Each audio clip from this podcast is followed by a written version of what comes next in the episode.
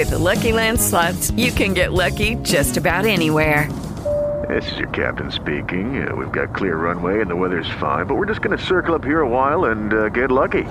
No, no, nothing like that. It's just these cash prizes add up quick. So I suggest you sit back, keep your tray table upright, and start getting lucky.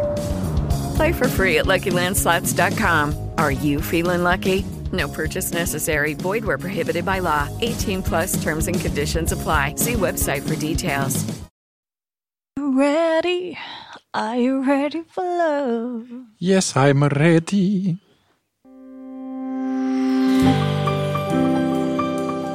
Du lytter til Apropos Musical med Jesper Nielsen og Louise Denker. Jeg hedder Jesper, Og det er mig, der er Louise. og det her er din danske podcast om musical.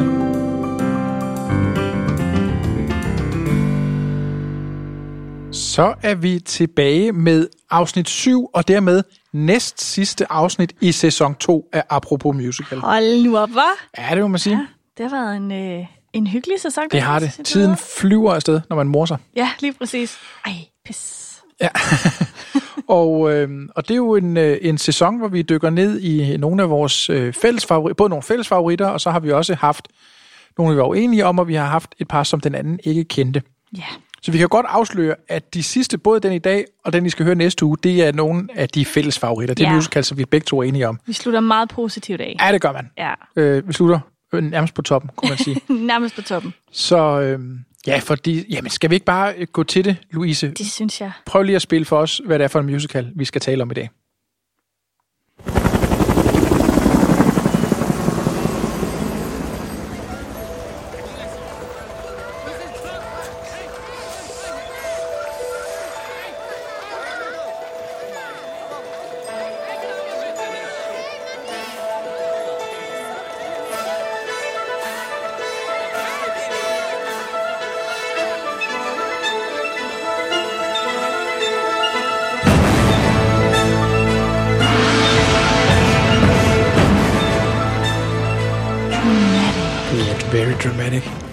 Det er naturligvis Miss Saigon fra 1989. Yay! Yay! Jeg har glædet mig så meget til, at vi skulle snakke om den her. ja, Ja, det har jeg virkelig. Helt kort, så er det en, øh, en, tragedie, en tragedie, ja, eller en tragedie, var, det er det. om krig og den store kærlighed, og hvad drømme gør ved mennesker. Lige netop. Ja. Den har musik og tekst af Jean-Michel Schoenberg og Alain Boublil, og hvis I tænker, dem har vi hørt om før, det har jeg. Det er nemlig også dem, der har skrevet Les Miserables, som vi talte om i det allerførste afsnit. Og øh, efter den her, så skrev det den musical, der hed Martin Guerre. Og derudover er der en amerikaner, der hedder Richard Maltby, som også har været inde over tekst og historie. Og så er, som vi hentede sidst, det er en uh, musical, der er inspireret af en opera, mm og det er operaen Madame Butterfly, som er skrevet af Giacomo Puccini i 1904, som handlede om bokseopstanden i Kina. Men det, der faktisk fik de her drenge i gang med den her forestilling, det var, at de faldt over et billede, som blev taget i Vietnam, altså under Vietnamskrigens afslutning, da, da Saigon falder, og, øh, og nordvietnameserne rykker ind, hvor de ser et billede af en mor, der står og rækker sit barn ind over et hegn for at vil give det til nogle amerikanere og sige, er I ikke søde at tage mit barn ud af det her land? Og, og det gjorde noget ved de her to mænd, hvor de så og tænkte, hvad er det, der får en kvinde til at tænke, at hun vil forære sit barn væk? Altså, hvordan bliver man bragt i den situation? Og så var det, de fik lyst til at lave den forestilling her, og lavede det som en, en øh, moderniseret udgave af Madame Butterfly, hvor vi ikke er i Kina, og det handler om engelske soldater, men vi er i Vietnam, og det handler om amerikanske soldater. Ja, det synes jeg var ret fint. Ja. Ja. Øhm, vil du ikke tage os igennem handlingen, Jesper? Det Fordi det er jo... Øh, det, det er en lidt trist handling. Det er en lidt trist handling, og, og igen, lidt ligesom med Les Miserables, så er det, altså, så er det ikke bare dreng møder pige. Det er, der er lidt mange karakterer og lidt mange twists and turns, som man har brug for, for at få med, for egentlig helt. Ja. at forstå, hvad det handler om. Vi starter i Vietnam i 1975, og, og hvis de af jer, der sådan ved lidt om, om Vietnamkrigen, mange af de her billeder, vi sådan ser, og øh, altså andre sådan krigsfilm, det, det meste af det er faktisk tilbage i slutningen af 60'erne, starten af 70'erne. Så vi er absolut i den yderste udkant af Vietnamkrigen. Chris og John er et par amerikanske soldater, de arbejder for ambassaden, og de er nogle af de aller sidste amerikanere, der er tilbage i Vietnam. De andre, de er rejst hjem. De hader at være der, så får de kan holde det ud, så er de hele tiden fulde og skæve øh, og, og boller luder simpelthen. Øh, og derfor så kommer de i, øh, i den her natklub, som er ejet af The Engineer, som er, er sådan en rigtig skøn charlatan. øh, han finder... Er han en rigtig skøn charlatan? Ja, det er han virkelig. Er det sådan, du vil beskrive ham? Ja. Ja, okay, fint. Ja, vi vender til. Jeg kan godt af, vi kommer til at tale mere om The Engineer. Han arrangerer en konkurrence, der hedder Miss Saigon, hvor man sådan kan købe et lod, og hvis ens lod bliver udtrukket, så vinder man en nat med den her kvinde, der bliver kåret som Miss Saigon. Så det er sådan, det er sådan en blanding af sådan noget x-faktor og prostitution øh, på, Meget meget, smukt, ja. på meget skøn vis. øhm, og, og den her aften, der dukker der en ny pige op, der hedder Kim, som er ret ung og meget sådan uskyldig og har været igennem en frygtelig personlig tragedie og står nu i den situation, hvor hun tænker, jeg har ikke andre muligheder, end jeg kan sælge min krop til mænd, og sådan her kan jeg overleve. Og øhm, John, han, øh, han synes, at hans ven Chris hænger noget med mulen, og så siger han, du skal være sammen med hende, den nye pige der. Og først vil han ikke rigtigt, og så danser de lidt, og så øh, øh er Engineer bange for, fordi, fordi Chris ligesom trækker sig, så er Engineer bange for, at det er Kims skyld, og skal ligesom til at være meget hård ved hende, og det kan Chris alligevel ikke have. Så nej, nej, det her, hun er sød, og vi skal nok.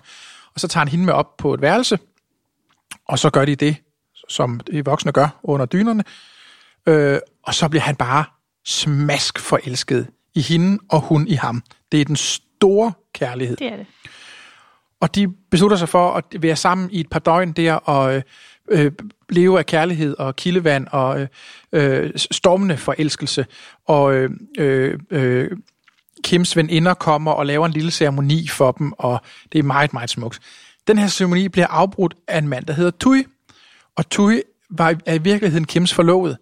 Øh, deres forældre havde lavet et arrangeret ægteskab mellem dem, da de var børn, og de er blevet skilt ad af alt det her krig og tragedie. Tui er stadigvæk sikker på, at han skal giftes med Kim, og Kim prøver at sige til ham på en pæn måde, jeg vil ikke have dig, jeg vil have ham der. Og det bryder Tui sig ikke om. Og, øh, og, og der bliver ligesom ballade. Så sker der det her, at øh, vi springer tre år i handlingen, Ja. og der er sket en hel masse, og man får ikke at vide på nuværende tidspunkt, hvad der er sket.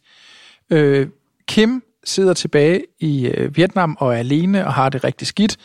Øh, Chris er i USA har det også rigtig skidt, men er blevet gift med en kvinde, der hedder Ellen, som prøver på at forstå, hvorfor er det, han skriger om natten? Hvad er det for et navn, han råber ud? Han har ikke ville sige noget om det. Og Ingeniør har været i øh, fangelejr, så han kunne prøve at lære at blive en god kommunist og ikke tænke på øh, prostitution og tjene penge. Og hans store drøm er jo at komme til USA, hvor, hvor alle svindlere kan blive millionærer, og det, det er jo lige præcis det, han drømmer om. Mega. Det er en mega for svindlere. Øh, og i den her fangelejr, der bliver han opsøgt af Tui, som nu er blevet kommissær, altså en højtstående mand i det nye vietnamesiske styre, siger til ham, du skal finde Kim til mig, øh, ellers så slår jeg dig ihjel. Og det gør han så. Finder hende, og Tui dukker op og vil giftes med Kim, og der må hun så afsløre sin store hemmelighed, at hun har fået en lille søn, som er Chris' søn. Og, øh, og det kan Tui overhovedet ikke rumme, så han vil slå det her barn ihjel, og så skyder hun og dræber ham med en pistol, hvor man tænker, hvor har hun den pistol Ja. fra? Hun opsøger så Engineer og øh, fortæller, hvad hun har gjort, og Engineer kan godt se, at det er jo helt galt, du må ikke slå en kommissær ihjel, og det bliver frygteligt for os. Men da han ser, at hun har det der barn, så tænker han, det her er min billet. Nu kommer vi til USA. Vi tre sammen. Der er mig og barnet. Og så flygter de til Bangkok, og det er slutningen af første akt. I anden akt starter øh, i USA, hvor øh, John, Chris' ven, som øh, jo virkelig var en skidt fyr, altså Ja, det var han. øh, øh, chal og damer, ikke? det var det, han brugte sit liv på i Vietnam. Han har stiftet en organisation for dem, de kalder Bui Doi, som er de børn, som vietnamesiske prostituerede fik med amerikanske soldater, som nu bor i lejre, og han prøver på at finde deres fædre og prøver på at give de børn et bedre liv. Og han har fået et brev fra The Engineer, at Chris har en søn. Og det fortæller han Chris, og Chris og hans kone Ellen og John rejser nu til Bangkok for at mødes med Engineer og Kim. Og øh, her, øh, mens Kim gør og står og gør sig klar til, at hun nu skal møde Chris igen, og tror jo, at nu skal hun endelig være lykkelig, og alting det bliver godt, så hjemsøges hun af Tuis spøgelse, der kommer og siger, jeg kan godt huske, hvad du gjorde. Og så får vi det store flashback, hvor vi ser den kaos og panik og alt, hvad der skete den dag, hvor amerikanerne rømmede ambassaden, og Chris prøvede at få at, at ringe hjem til Kim og sige, skynd dig at komme, men Kim stod faktisk hen ved ambassaden og kunne ikke komme ind, og, og, og derfor går de glip af hinanden, og hun kommer ikke med til USA, som Chris ellers havde lovet hende. Hun går så hen på, øh, tilbage i nutiden, går hun så hen på Chris' hotelværelse, hvor hun møder Ellen, og der går det op for hende, at den mand, som hun elsker, og som hun tror, at hun er gift med, har giftet sig med en anden kvinde. Og nu står vi der i sobedasen, og det er derfor, det er en tragedie. Fordi uanset hvordan man skærer den kage her, så kan de ikke alle sammen gå lykkelige ud af den her situation. Der er nogen, der skal såres, for at de andre på en eller anden måde kan komme videre, og næsten uanset hvordan den forskning her slutter, så er der nogen, der bliver ked af det. Ja. I hvert fald publikum. Ja, præcis. Ja, det er, det er jo lidt en tung, øh, en tung omgang. Ja, Men det er meget smukt, så vi håber, at I følger med os derude. ja. Øhm, Og det er ikke kun trist. Vi skal Nej, også vi skal snakke om alt muligt andet godt. Ja, det skal vi. Det skal vi. Øhm, Jesper, du har set den øh, live? Ja, Ja. indtil flere gange. Øh, ja, faktisk, den her var jo en af de forestillinger, der startede tilbage sådan i midten af 90'erne på Østre Gasværk, da, da det ligesom blev det store danske musicalteater, hvor den spillede to hele sæsoner. Øh, og der har jeg desværre ikke set. Odense Teater lavede en opsætning af den i 2001, som jeg så. Det var første gang, jeg mødte den her forestilling. Mm. Må jeg sige, jeg synes, det var en lidt sløj opsætning, og i lang tid gik jeg synes, at Miss Saigon var lidt kedelig. Øh, så var det faktisk først i 2012, da Palsgaard lavede den som øh, friluftsspil, hvor jeg så den, hvor jeg tænkte, okay, den kan altså alligevel noget af den forestilling her, mm. og blev ret glad for den. Og øh, øh, i Hyldalen i Maribo har de også lavet den som friluftsforestilling i 2016. Så så jeg den øh, på Malmø Operan i 2013, fordi man jo i Sverige ikke, i Dan- på samme måde som i Danmark, er bange for at lade de store operascener spille musical. Og det her med, der er for eksempel i den her scene om Buidøj, er der jo stort Buidøj-kor. Mm. Og en professionel opsætning, så får du 10, hvis du er heldig, måske 12 mand, der kan stå og synge det. Jeg tror, der var 40 mand fra Malmøs operakor, der bare stod der på scenen og sang Buidøj, så taget var ved at lette. Det var for jerndødt. Og så fik den en 25-års jubilæumsopsætning i London i 2014, som da den lukkede i 16, rykkede til Broadway. Og den har jeg set begge steder, tre eller fire gange noget at se den i London og en enkelt gang på Broadway. Og det, det, den kommer vi til at tale om flere gange i dag, for det er en mirakuløs opsætning. Vi så den jo i går, Ja, du og jeg. yes. Fordi jeg har aldrig set den her forestilling før. Jeg har hørt den så mange gange. Øh, men jeg har aldrig set den. Og så sagde du til mig i går, skal vi ikke lige se den, inden vi skal snakke om Ja. i morgen? Øh, og det er jeg lykkelig for. Det var den her London Opsætning. øh, opsætning ja. fra 2014.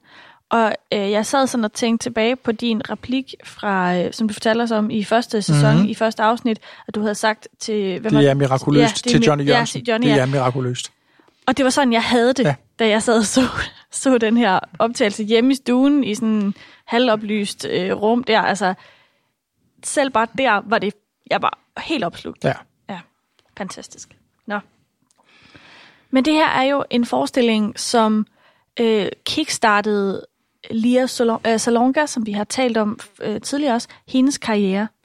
Hun blev fundet, hun var helt, helt ung, mm-hmm. øh, da hun spiller rollen som Kim. Øh, og hun, altså, hun er jo et kæmpe stjerneskud øh, på det her tidspunkt. Øh, og, øh, og så er der faktisk noget, som jeg synes er ret sjovt, det er, det er Jonathan Price, som jo er en meget, meget stor øh, engelsk skuespiller.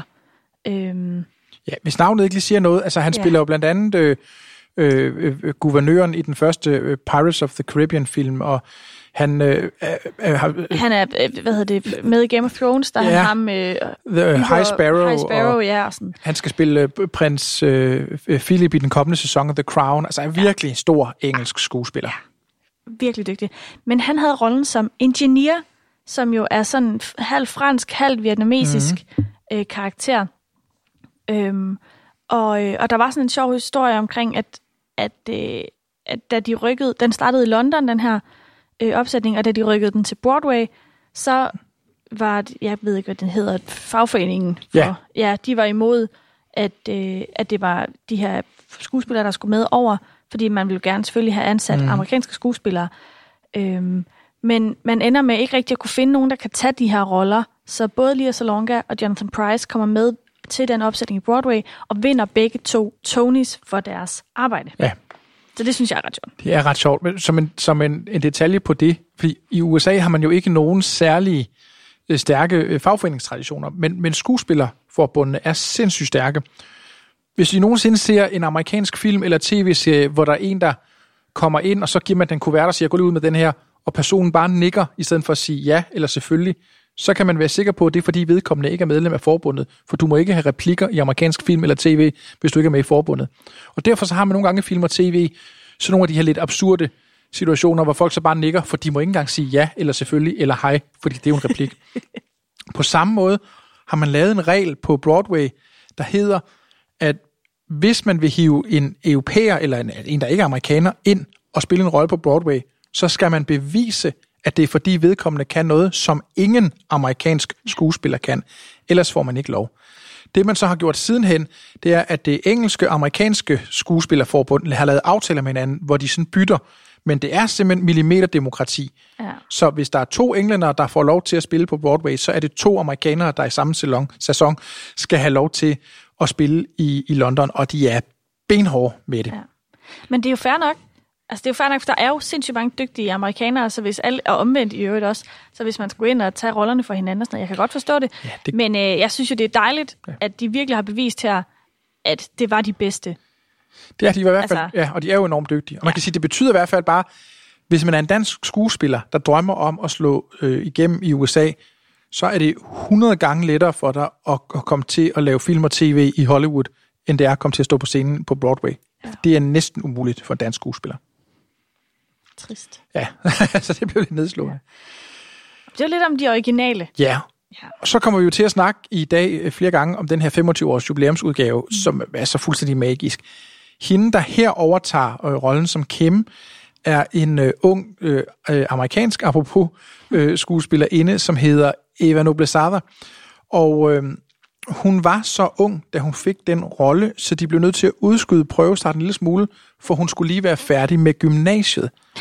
Hun var 18, da hun fik rollen og startede og, og, og vi kommer til at spille noget, altså hun, altså hun er en af den her verdens helt store musicalsangerinder. Ja. Det er ubeskriveligt, hvad hun kan. Og nogle af jer øh, vil måske også kende hendes navn, fordi hun spiller øh, Euridike i Hadestown, som har, hvor der har hun også den kvindelige hovedrolle. Så hun er virkelig en af de her øh, up-and-coming øh, store navne på Broadway.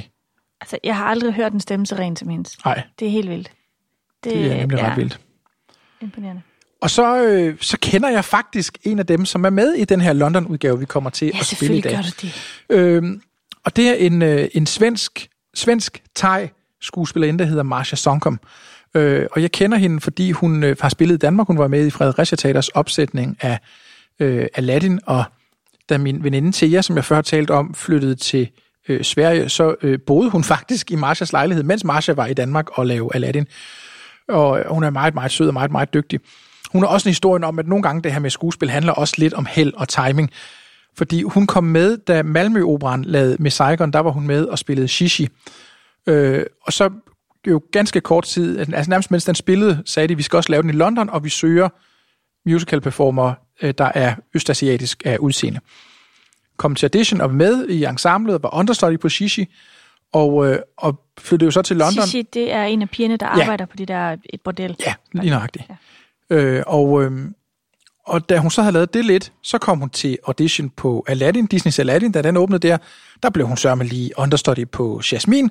Og da hun så havde lavet det lidt, så kom hun til audition på, øh, når jeg er Hamilton, og blev så cover på både Eliza, Angelica og Mariah Reynolds. Altså så var cover på de tre kvinderoller, der var i den. Så, så i de der sådan fire år, øh, hun boede i London, eller hvor længe det nåede at blive, der var hun så øh, med i London Revival Cast, øh, med Saigon, Original London Cast Aladdin og Original London Cast Hamilton.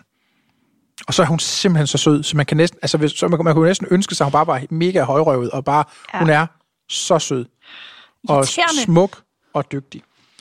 Og en lille bitte sådan detalje omkring det her. Øh, hvis man går ind øh, på YouTube og så søger på øh, Miss Saigon Cast Let It Go, så fandt de på, fordi de her kvinder, der var med, de mindede alle sammen på en eller anden måde sådan om Marsha, det her med, at mange af dem var enten adopteret til Europa, eller var flyttet med nogle forældre, eller øh, var halvt øh, østasiatiske og halvt europæiske, så de kunne alle sammen flere sprog. Så Marsha, hun kan thai og svensk, og så var der en, hun kunne måske hollandsk og koreansk, og en anden kunne spansk og øh, filippinsk. Eller sådan. Altså, så de kunne alle sammen, så de har lavet sådan en cover, hvor de står, de her øh, kvinder, som er med i Miss Saigon, og synger Let It Go på øh, øh, 6-8 forskellige europæiske sprog, og lige så mange østasiatiske sprog. Og det er altså ret, man kan finde den på YouTube i dag, det er ret sjovt.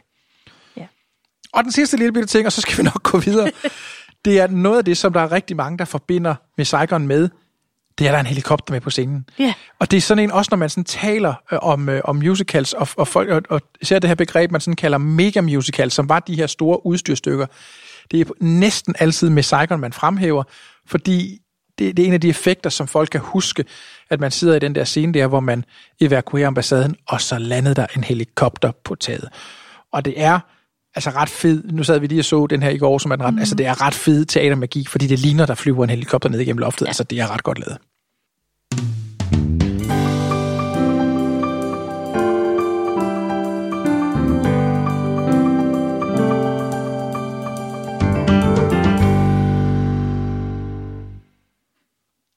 Så er vi nået til favorit øh, segmentet i favoritsæsonen.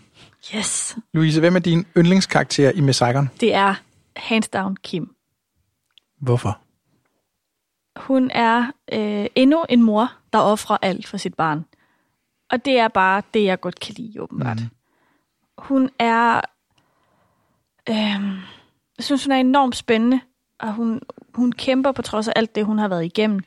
Øh, men det er den her, altså, den her selvopoffrelse, som jeg er helt prøven over. Og så er hun også måske den eneste sådan rene karakter Ja. i den her øh, forestilling. Og normalt kan jeg jo egentlig godt lide nogle karakterer, der har noget, altså der går igennem lidt mere ud, udvikling og har lidt en anden ark på en eller anden måde, men, men jeg synes, der er noget helt fantastisk øh, rent over hende, som jeg Ja. godt kan lide. Øhm, ja, hun har måske et af de største øh, kvindelige musical-numre nogensinde. Øh, et nummer, der hedder I'd Give My Life For You, øh, som hun synger om sit barn, om at hun vil ofre alt. Mm. Øhm, og øh, jeg synes, det er et hårdt sted lige at lægge ud her, men så er vi altså man i sige, gang ja. i hvert fald. Ja, og vil jeg bare lige må sige, og det skal vi høre om du øh, ret dit kæmpe stort nummer, men hun synger også The Movie in My Mind, som er et kæmpe stort nummer, og hun synger I Still Believe, som er et kæmpe, altså hun har virkelig nogle af de store dramatiske ballader, der er skrevet til kvinder i den her verden. Ja. Og det her, det er jo så bare en af dem. You will be who you want to be.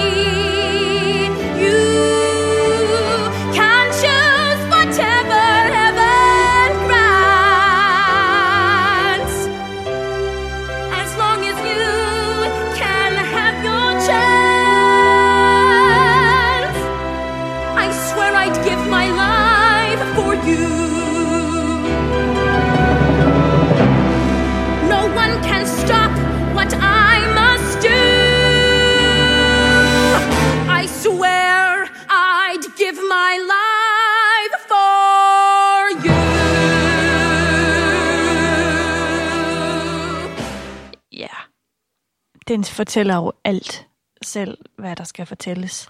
Ja, Men hun er villig til at ofre alt, for at han kan få den fremtid, altså hendes søn kan få den fremtid, som hun aldrig selv kunne få. ja. Og det synes jeg bare er så smukt.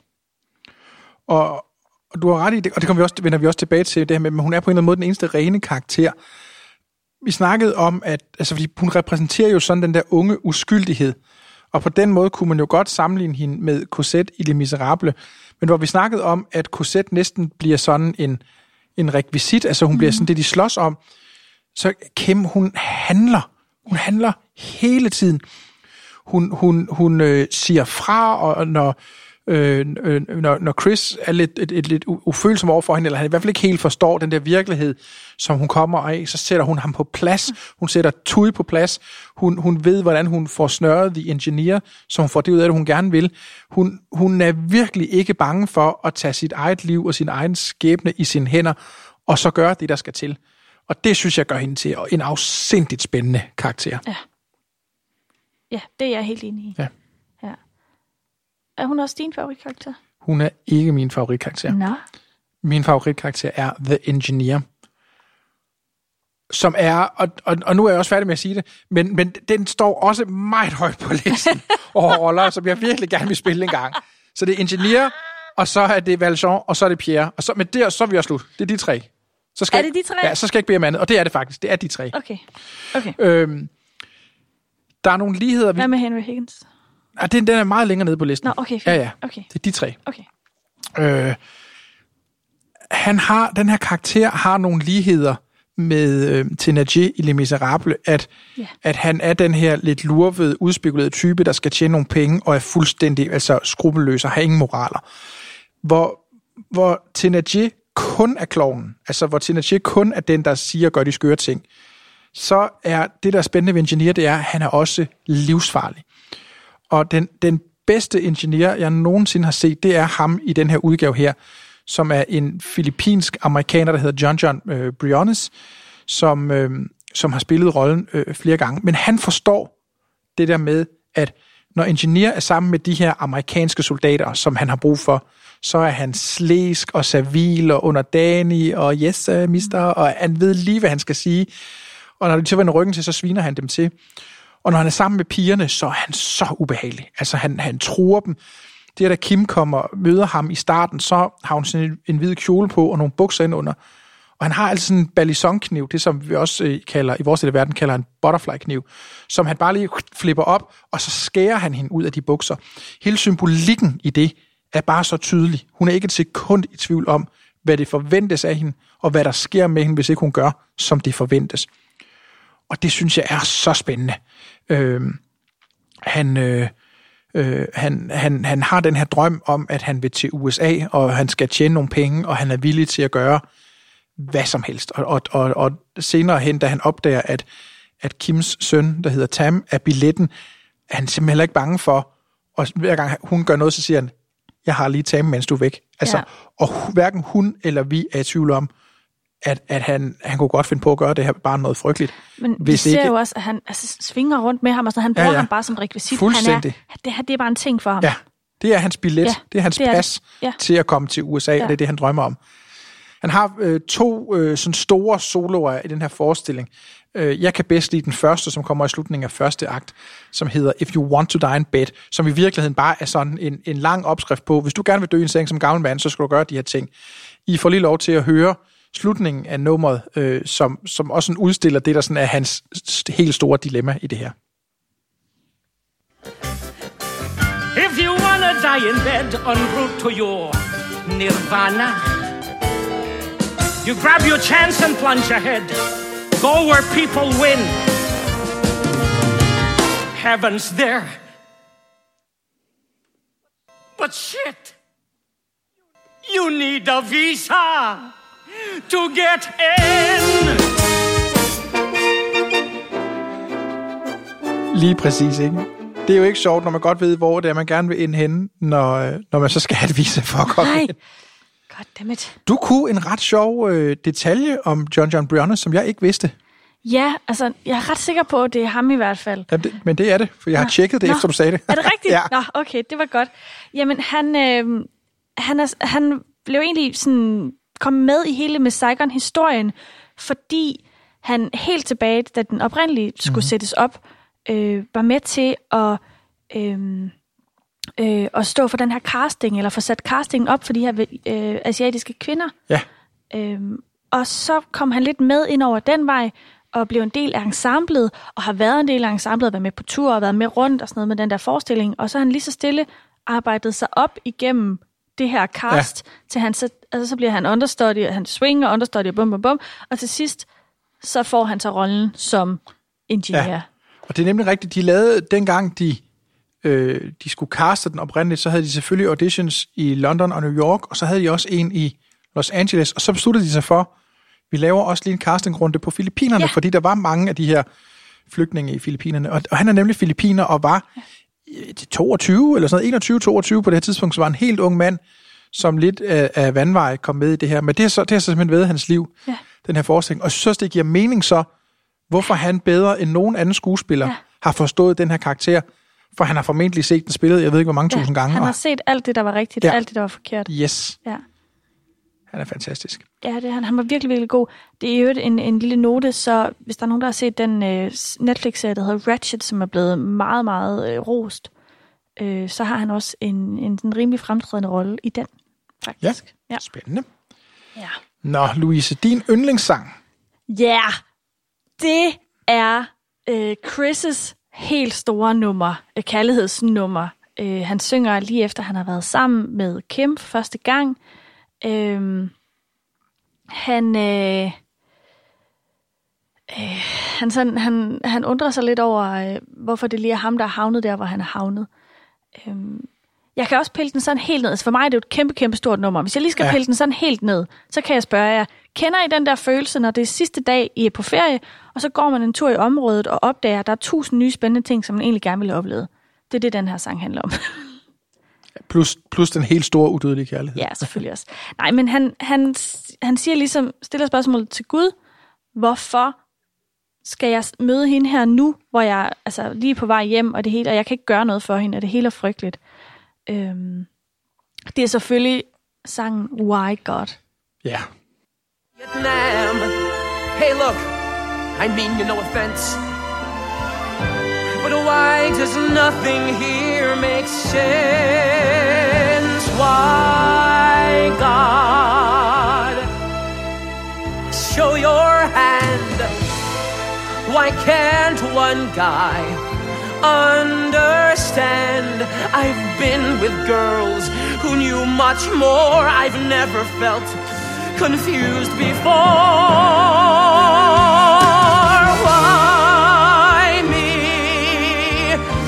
What's your plan? I can't help her. No one can. I want my memories as they were, but now I'll leave remembering her.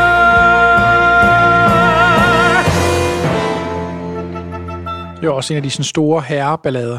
Det er det virkelig. De har lavet, de har lavet en ret fin øh, ændring i den her Mhm. tekst. Den oprindelige øh, tekst hedder øh, I, want, I, I, I I like- liked my memories as they were. Og her synger han I want my memories Mhm. mm-hmm. as they were. Det synes jeg er virkelig fint. Øhm, at han, en ting er, at han kunne godt lide det, som det var, men det er faktisk det, han helst vil have. Jeg synes også, der er en anden forskel i det, fordi hvis han siger, I like my memories as they were, så siger han jo også, jeg kan godt lide alt det der med luder og tjal, ja. og, og, og det kan han måske ikke, fordi det er vigtigt, at vi holder af ham. Ja. Så derfor synes jeg også, det er stærkere, at han siger, nej, jeg vil hellere have minderne, sådan som de var, ja. Ja. på godt og ondt, ja. end jeg vil gå hjem og tænke på hende. Øh, og det er jo det samme, som vi talte om med Les Miserable. Jeg vil med, at de ikke behandler deres forestilling som et museumsværk, men at man en gang imellem lige siger, kan vi rette? Altså, fordi det er et ord, vi retter, men det gør faktisk enormt meget for den her karakter. Det har de gjort rigtig mange steder Ja. i den her, som jeg er helt vild med. Ja, Det, øh, der er ganske få steder, hvor jeg hellere ville have det originale. ja, enig. Ja. Øh, Men det er virkelig... Altså, jeg har hørt den her sang til døde. Det, jeg tror, at den her måske i virkeligheden var min vej ind i forestillingen. Ja. Øh, og så er I'd Give My Life For You noget, jeg har hørt senere, og Moving Ja, ja, okay. My Mind og sådan noget. Men den her var sådan det, jeg faldt for.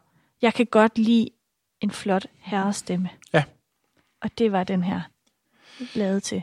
Der er en pointe i, og, og det er også øh, sådan helt bevidst, hvordan man skriver tingene. Øh, der er rigtig mange af de her karakterer, øh, som...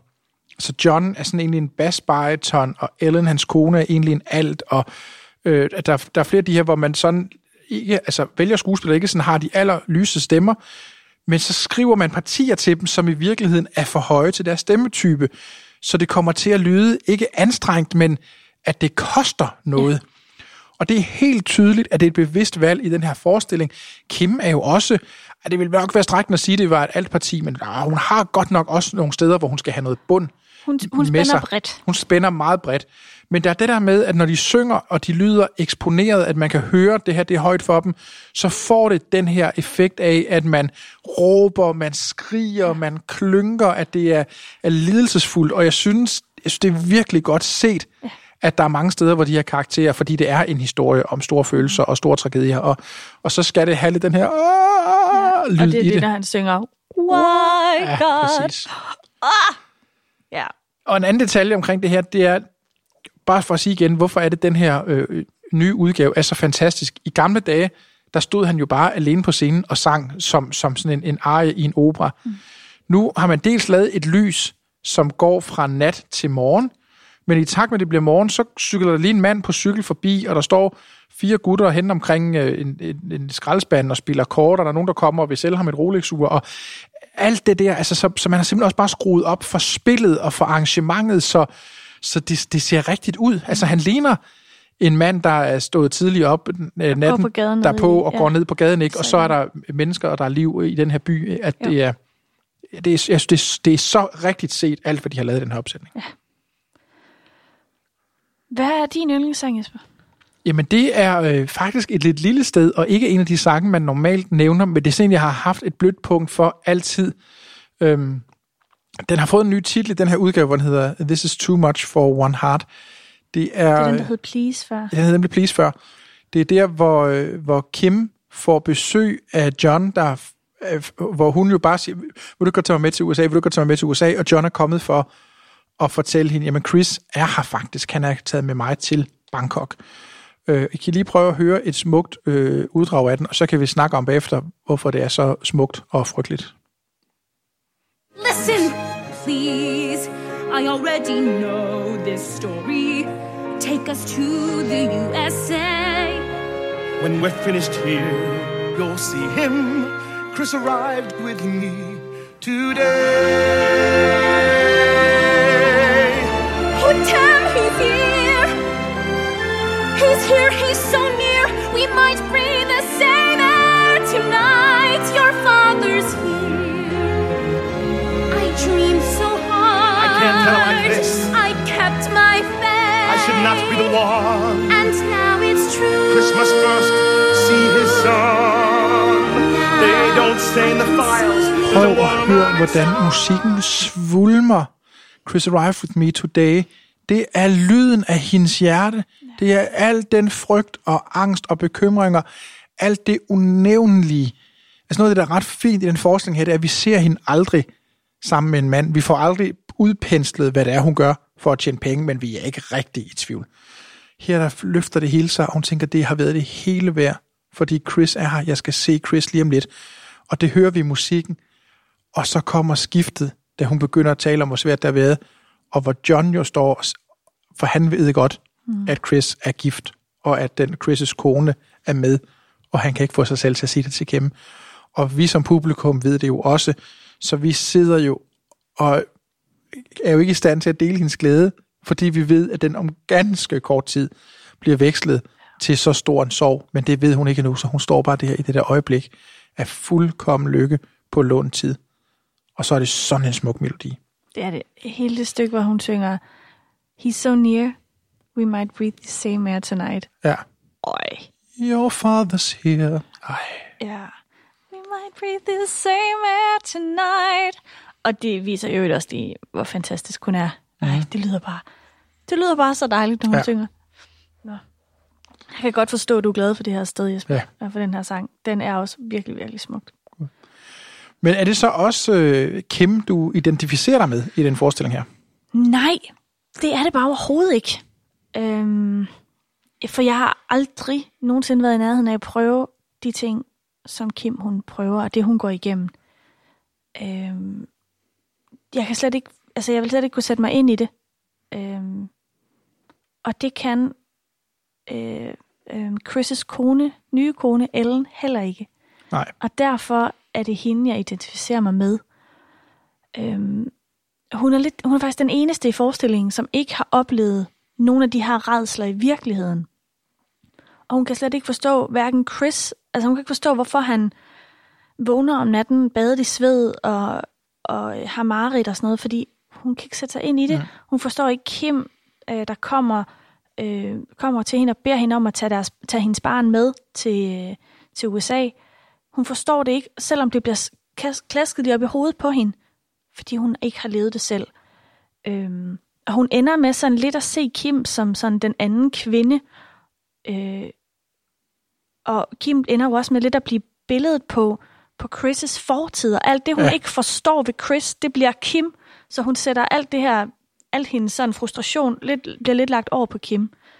Øhm, og jeg tror ikke, at jeg ville være i stand til at takle det ret meget anderledes, hvis jeg skal være helt ærlig.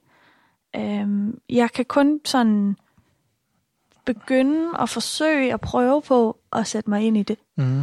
Øh, hvordan det ville være at, øh, at ofre alt øh, for at få mit barn ud af en krigszone og få det i sikkerhed i et land som vores. Øhm, altså, jeg kan lige så godt være ærlig sige, at jeg har aldrig nogensinde i mit liv været nødt til at kæmpe for noget som helst rigtigt. Mm. Og, øh, og det er jo en, et kæmpe privilegie, at jeg ikke har det. Men det gør også bare, at der er nogle ting, jeg ikke forstår. Øhm, der er et nummer i forestillingen, øh, som hedder Now That I've Seen Her, som oprindeligt hed It's Her or Me, og som i den her version er blevet fjernet og erstattet af en sang, der hedder Maybe. Mm. Øh, så den har været under, øh, under lidt udvikling. Øhm, men jeg har valgt, at vi skal høre et lille stykke af, af den version, der hedder Now That I've Seen Her. Øh, og det var fra... Øh, ej, nu kan jeg ikke huske, den er fra... Ja, Jeg tror, det er fra den oprindelige... Øh... Nej, det er det nemlig ikke, Nå, fordi okay. den oprindelige hedder nemlig It's Her or Me. Okay. Ja, øh, men det er fra den, der hedder The Complete Recording of øh, Miss Saigon, som er fra 95. Okay. Ja. Øhm, som vi skal høre et stykke af. Øh, og den, den fortæller lidt om, det stykke, vi skal høre, fortæller lidt om øh, hendes, hendes syn på Kim og alt det, hun sådan går igennem, og hvor svært hun synes, det er at, at forstå.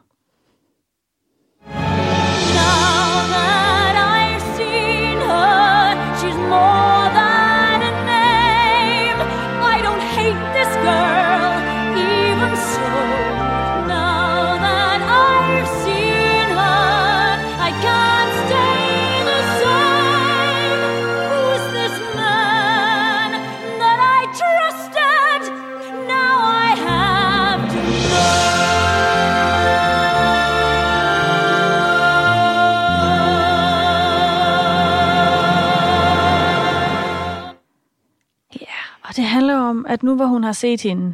Så du og græder, Jesper? Nej, det er først bare, fordi jeg lige er lidt halvtræt. Nå, okay. så jeg, nu vil jeg have set hende, øhm, altså så er hun mere end bare et navn, ikke? Øhm, og øh, hun synger også på et tidspunkt tidligere den her, øh, And I think it was better when I didn't know. Mhm. Øhm, og for mig, så, altså den er jo tydelig, den er selvfølgelig skrevet, øhm, fordi hun skal tage stilling til Kim lige pludselig, men for mig er der også noget i, at hun bliver konfronteret med alt Chris' øh, altså Chris' fortid, mm. og alle hans redsler. Lige så meget, det er lige så meget krigen og alt det, han har været igennem, som hun aldrig nogensinde kommer til at kunne dele med ham. Mm. Og det er det, hun synger om her. Ja. Så det synes jeg er ret fint. Der er en interessant pointe, også i det her med, at hendes sang simpelthen, altså der findes tre udgaver af den her sang, og det er fordi, det er en svær karakter. Altså hun har, hun dukker op lidt sent i forestillingen, hun har ikke lige så mange scener som de andre, og vi hæpper jo ikke på hende. Nej. Altså, det ved, det ved alle mennesker jo godt. Hvis det her, det bare var en, han har sagt, en romantisk forestilling, så ville det jo handle om, at Chris kom hjem til, eller mødte i Bangkok, og så skulle ham og Kim være sammen, og alt var mm. godt. Hun er jo forhindringen for det. Og, og, men vi har også brug for at forstå, hvorfor er det, Chris har giftet sig, fordi vi har jo set, hvor meget han elsker Kim, og derfor så bliver hun nødt til at være så sød, så forstående, så kærlig, at, at vi, vi skal se den her mand, som er kommet ødelagt hjem fra krig, og har alle de her traumer, han ikke vil tale om, og så har han mødt en kvinde, som, som kan rumme ham, og måske, han taler ikke om det, men, men kan omfavne det, og så forstår vi, at, at det vil han godt, og det er derfor, det også er vigtigt, at der er nogle udgaver, hvor hende, der spiller Ellen, hun kommer til at blive sur, og det er det eneste, hun ikke må, fordi så hæpper vi, altså så sidder vi og tænker, kunne vi ikke skyde Ellen, fordi så var alle problemer i Ja, den her forestilling ja. løst, ikke? Så derfor er det vigtigt, at hun er så sød, som hun overhovedet kan være. Der tror jeg, at det første ski- skift i hvert fald er sket, fordi den hedder oprindeligt sådan, It's her, her it's her wow, it's Her or her, or me. me. Ja. Øhm, som virkelig var sådan en, nu skal han beslutte sig Ja, for, ja. om han vil have hende eller mig. Og der sidder alle vi andre og tænker, hende, vi vælger ja, hende, hende, vi hende, vælger hende, Kim. hende. Ja. Gå væk, gå væk, gå væk. Øh, så der er selvfølgelig sket noget der. Øhm, der er også noget andet med den her karakter. Øh, hun ser sådan det gjorde hun i hvert fald i den her opsætning, hun ser sådan lidt gammel ud. Og Ja. det synes jeg, altså hun kommer til at se meget konet ud, og det forstår jeg ikke, det valg. Øhm, fordi, fordi Chris er jo ikke blevet gammel, fordi der er gået tre år. Nej, det er jo det. Altså, det giver ingen mening. det. Det må være noget med, at hun skal udstråle noget andet, end Kim gør. At, det gør hun også. Hun udstråler. Altså, til start, hun ligner lidt hans mor. Ja. Det synes jeg er lidt mærkeligt. Øhm, men hun spiller virkelig fantastisk. Ja. Ja. Så altså, det gør hun. Og det er en spændende rolle, og, ja. Ja. og det er en, altså jeg tænker virkeligheden, godt være det er Kim, der har alle de der store partier og skal alt andet igennem. Jeg tror virkelig, jeg synes, Ellen er næsten endnu sværere, fordi hun har så lidt plads at spille på, Ja. og det er så vigtigt, at vi holder med hende, fordi ellers så, så fungerer tragedien ikke. Så er det, at vi sidder og tænker, jeg aner ikke, hvordan vi løser det her, uden at der er nogen, der bliver ked af det. Men hvad med dig, Jesper? Hvem identificerer, identificerer du dig med? Ja, men jeg har valgt, og, og, og jeg kan godt mærke nu, at, at det, det er nogle af de sidste par gange, så er det blevet nogle af de lidt mere sådan usympatiske karakterer, jeg hæver frem her, men der er noget, og det har der også været i dag, det er fordi, jeg har valgt Tui, Ja, øh, og det er ikke fordi, jeg synes, jeg går rundt og er Tui, men det er fordi, jeg faktisk godt kan forstå Tui. Ja. Der er noget i, dels så repræsenterer han sådan den lidt forsmåede mand, Øh, og det tror jeg, altså det tror jeg, der er mange mænd, der sådan har været, ikke? At så en, hende, man var vild med, så valgte hun en anden, og så kan man godt, så kan man godt sådan få lyst til at blive sådan enormt bitter, og tænke, det er også bare lige meget, og hun er også bare et eller andet, finde på alt muligt grimt. Og de fleste af os, vi nøjes med at tænke det, og så skubber vi det til side, og Tui, han er bare gået med den.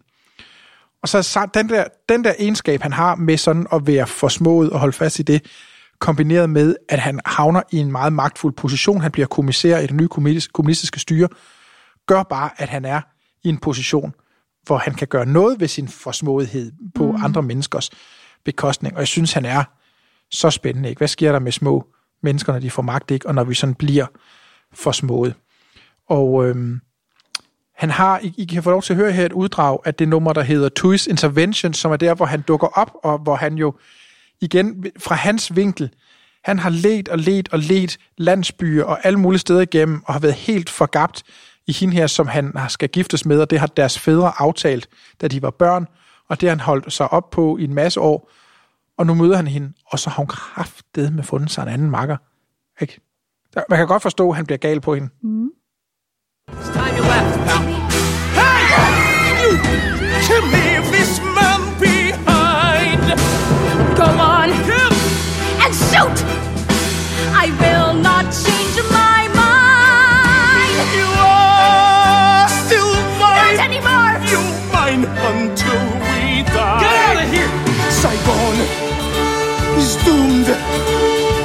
so is your GI.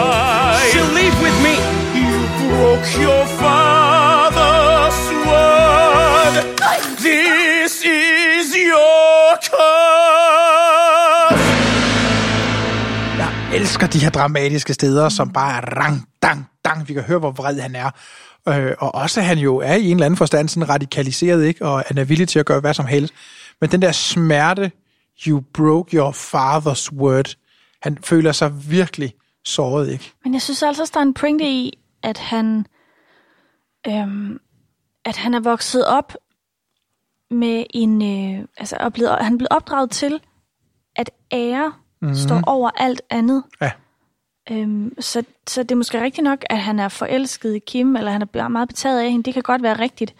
Øh, som, som jeg har forstået det, så er de, så er de kusiner. Ja, eller de er vist på en eller anden måde sådan ja. en familie, ja. Øhm, men, men det vigtigste for ham er faktisk den ære, der er. Mm. At den ikke bliver sat på spil. Og det er jo også derfor, øh, at vi på en eller anden måde godt forstår, øh, når han, øh, han tror Tam, mm. der hvad hedder Kims og Chris' søn der.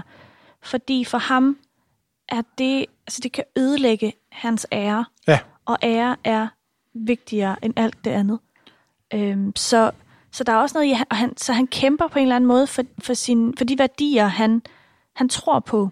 Øhm, Ja, det er i hvert fald den ene udlægning, og det kan jeg sagtens se. Der er også noget i, hun siger på et tidspunkt, they died the, ch- the week that you changed sides. Altså, så man får også lige antydet, at der også er noget opportunist i ham. Ja. At da han ser, det er sgu nok kommunisterne, der vinder, så sørger han for at melde sig under deres faner. Og man kan også, hvorfor er det, det han er så bange for Tam? Det kan være på grund af æren. Det kan også være, at det vil blive en plet på hans karriere, hvis den kvinde, han skal være sammen med, har et barn med en amerikaner, Ja, det at det vil ikke være. kunne gå. Øh, og, men jeg synes, det er spændende, og jeg kan jo godt lide de her roller, hvor det hele ikke er penslet ud, mm. at man kan lade øh, skuespilleren og instruktøren i samarbejde beslutte sig for, hvad er det, hvad er det for noget, vi lægger vægt på. Hvad Men jeg synes bare, han er sådan en Ja. spændende karakter, Tui. Ja, Og han er jo ikke ret meget, han er med i tre scener i første akt, og så dukker han op som spøgelse i anden akt, så igen, han har ikke ret meget plads at spille på, men han er, bare, han er jo virkelig en central karakter, Mm. øh, og, og ham, der jo driver rigtig meget af handlingen. Ikke? Øhm, det er han. Ja, Ja. helt sikkert. Ja, og så til sidst dit yndlingssted i forestillingen, Louise. ja øh, det har jeg lige skiftet. øhm, til at starte med havde jeg et andet sted, men det får vi heldigvis lov til at høre senere. Øh, men så så vi den her øh, optagelse af, af London-produktionen her i går. Og jeg, altså der var et sted, hvor jeg døde. Det var øhm, i et nummer, der hedder The Confrontation. Det er lige efter Kim, hun har været på, hjemme på, øh, hjemme på øh, hotelværelset, mm. og Ellen har været nødt til at fortælle hende, at de er gift. Og Chris kommer hjem, og det hele er frygteligt. Og Ellen hun bliver ved med at sige, nu er du nødt til at fortælle mig, hvad er det, der er sket med dig? Du fortalte mig, at du har, har været i seng med den her pige, nu er hun blevet gravid, men hun, det er helt tydeligt, at hun elsker dig. Mm. I har elsket hinanden. Hvad er det, du har oplevet? Altså, hvad er det, du har været igennem? Hun kan ikke, nu kan hun, hun kan ikke være i det mere, mm. hvis hun ikke bliver lukket ind. Øh, og så synger han, eller fortæller han hende så lige pludselig alt om, hvad det var, der, hvad der var, der skete. Han fortæller, hvor frygteligt øh, Vietnam var, hvor frygteligt Saigon var, øh, og at, hun, at Kim ligesom var det eneste rene i alt det her. Mm. Øhm, og det bliver sunget med så meget øh, smerte, og øh, det hele kommer ud der. Jeg, altså, jeg var helt smadret, og Jesper, som har set den mange gange før, han begynder at sidde og fortælle mig alle mulige informationer og anekdoter, og nu skal du høre med ham der. Jeg var sådan, så stopper du! jeg sad helt opslugt, Ja, ja, og det- med tårer ned, ned i kinderne. Ja. Så det er blevet mit nye yndlingssted, og det skal vi lige høre her. I saw a world I never knew.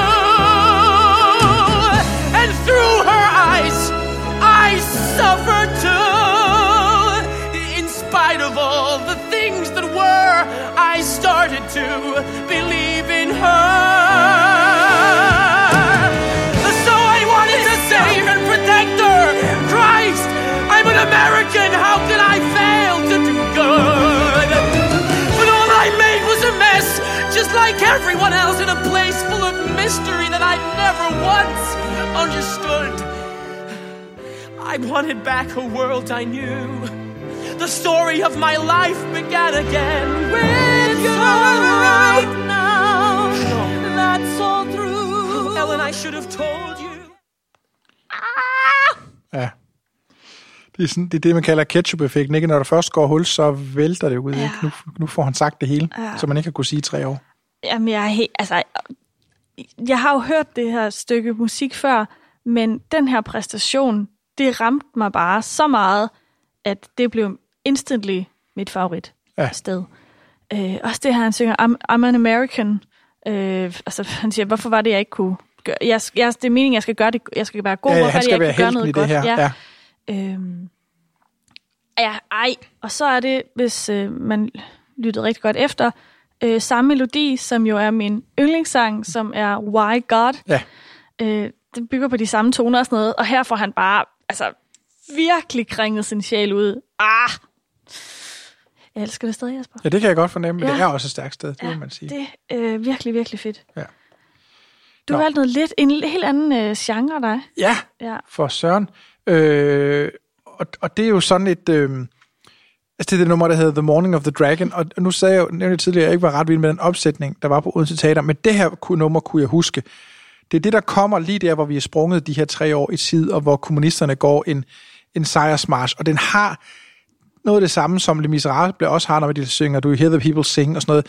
Det der sådan lidt militante, øh, og der er nogle røde faner, og der er i den her udgave, vi har, vi har talt om flere gange, så kommer der en kæmpe stor drage ind på scenen, og vi har et kæmpe stort gyldent hoved af Ho Chi Minh, og altså, det, er sådan, det er bare det store sådan, propagandaapparat, og det, det kan jeg godt mærke, det er lidt til falds for. Altså, jeg er så bange Du for... vil have det godt i Nordkorea. Jamen, jeg skulle, jamen, jeg skulle lige til at sige, ikke? Hvis jeg, havde, hvis jeg havde boet i Tyskland i 30'erne, jeg var bare blevet nazist, og tænkte, ej, hvor kan de marchere, hvor ser det flot ud, det er sikkert godt. Jamen, jeg, er- jeg er virkelig en sokker for de der store parader og sådan noget der. Så, så det er nok meget godt, at hverken er født i Nazi-Tyskland eller Nordkorea. Ja, Øh, det er vi glade for. men I får lige et uddrag af det, fordi det, ja, det er stort dramatisk kormusik. Ja.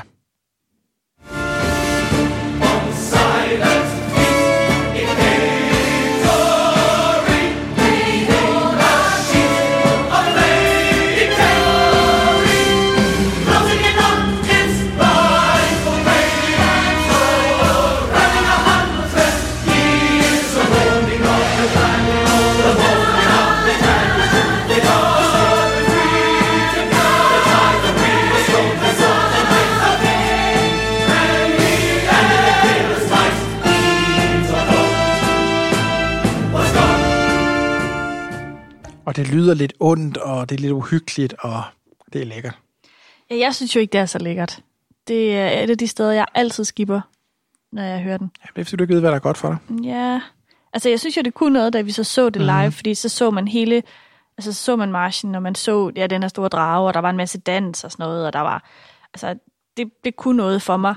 Øh, og så gav det mening, og så synes jeg ikke, det var så langt, som jeg synes, det her er et meget, meget langt militant nummer. Som, Ja, det er dejligt. Og det er jeg ikke sådan, det er jeg ikke den store øh, sokker for. Nej, Jeg okay. synes, det er lidt hårdt, at du sammenligner det med Do You Hear the People Sing. Nej, Det er jeg kan godt et sige. andet nummer, men det, men det, det er det samme sådan lidt militante march-agtige. Og jeg er med på, at, Ja. at i Les Miserables, der er det heltene, der synger det, så der hæpper vi på dem. Og her der er det jo, der bliver vi lidt bange, fordi det er de der kommunister, som har vundet, og det er dem. Og de er så mange, så det bliver ikke sådan en, det er ikke en karakter, vel, det er bare den her navneløse mængde, som også er dem, der, der gør, at Chris og Kim ikke kan være sammen. Ja, ja. Om jeg hører dig, jeg hører dig. Din favoritopsætning, Jesper? Ja, vi har jo været omkring det, og det er jo den her London-opsætning Ja. fra 2014, som er så spektakulær. Der er skruet op for instruktionen, at der, at der er nogle steder, hvor man putter mere få. Der er også øh, altså sådan nogle steder, hvor det lige bliver lidt sjovt, ikke?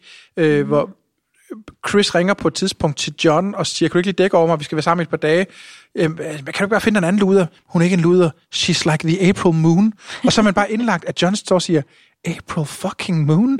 Som er virkelig sjovt, fordi der har siddet en eller anden lyriker og øh, svunget sig op, She's like the April moon. Og, og det, hvis du kommer og sagde til mig, jeg har fundet en, Jesper, han er som månen i april, så jeg også sagt, okay, ro på battet. Ikke? Altså, sådan reagerer vi. Øh, så der er nogle steder, hvor jeg synes, man har lagt lidt, lidt instruktion ind, der gør de her karakterer mere troværdige. Øh, de der små rettelser i teksten, vi har ja. snakket om. Også, at man har lavet et mere nuanceret, og derfor også mere respektfuldt syn på vietnameserne. Ja. Altså, det er ikke helt så karikeret. Øh, Jeg synes faktisk ikke, det er karikeret mere, men der har jo været noget, og det kommer vi til at tale om, der har været noget kritik af, hvordan man skildrer Ja. Vietnameser i den her produktion. Det har man også kigget på. Scenografien er blændende, casting er lige øjet. Det er en super opsætning.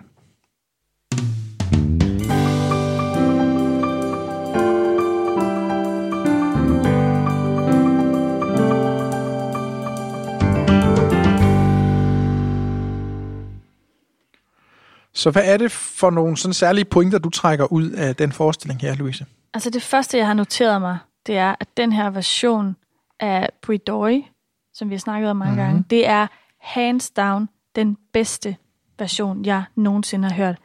Jeg synes, det er normalt et lidt kedeligt nummer. Øhm, er meget storladent mm-hmm. på sådan lidt, men, men den, den, jeg føler ikke rigtig, at den vil mig noget. Og den vil bare rigtig meget noget. Ja. Øhm, hvorfor er det, vi ikke har skrevet den ind i vores manus, så til vi skal høre den, Jesper? Ja, det ved jeg ikke. Den må man gå hjem og høre selv. Ja. Øh, og det er også... Øh, Øh, synes synes også, vi har det er snakket en del om. Ja. ja. så det er næsten synd for jer. Men nu skal I må gå hjem og høre Bridoi. Ja. Øhm, jeg synes, det her er den bedste version af den. Ja. Det er virkelig dejligt. jeg synes, koret er rigtig flot. Jeg ja. synes, ham, der spiller John, kommer til at frasere for meget hen over den. Og det, det, det bryder jeg mig ikke ret meget om. Og det bryder jeg mig rigtig meget Ja, om. så det var vi ikke helt enige om. Men, men jeg er enig i, at det er et fuldstændig fantastisk ja. nummer, det her Ja. Bridøje. Men udover det, så er det jo en, øh, en forestilling, som også er super relevant i dag. Mhm. Øh, jeg synes, den har en meget stærk øh, sådan pendant til, øh, til øh, de krige, vi oplever i dag. Ikke? Mhm. Og øh, specielt lige nu her, der har vi en, har en lang diskussion kørende, en offentlig diskussion kørende omkring de her børn, der sidder i de her fangelejre i Syrien, om vi skal hente dem hjem, eller vi ikke skal, og hvis ansvar er de. Øh, Øh, og det er jo det, er det samme med de her øh, Bridoi, Ja. øh, som sidder dernede. Hvis ansvar er det, er det, er det deres amerikanske fædre? Er det deres ansvar? Mhm. Mm. Er det USA's ansvar, at de her børn har det godt? Eller er det, øh, er det deres forældre, i, eller deres mor i, øh, i øh, Vietnam? Eller, Ja, og mange af dem er jo forældreløse på den måde, at, ja. Ja. at moren har afleveret dem et sted og skrevet ja. det, og der har været noget skam ja. i det, og, og hvor man netop kan sige, uanset at, at mange af de her buidøje blev jo også behandlet sådan lidt fjendtligt af den vietnamesiske mm. regering, øh, hvor man De jo kan... ikke, ja, de hører ikke hjemme nogen steder. Nej, nej, og det er jo den samme diskussion omkring øh, øh, de her børn i Syrien, hvor, hvor altså uanset om man synes, at de skal blive, eller de skal hjem, og sikkerhedstrussel, altså alle mennesker er jo enige i, at det er i hvert fald ikke, altså børnene har jo ikke gjort noget. Nej, nej. Øh, og der er, der er sådan nogle billeder når, i den her udgave, som kører bagved, hvor man sådan kan se, altså de simpelthen har filmet rigtige buidøje.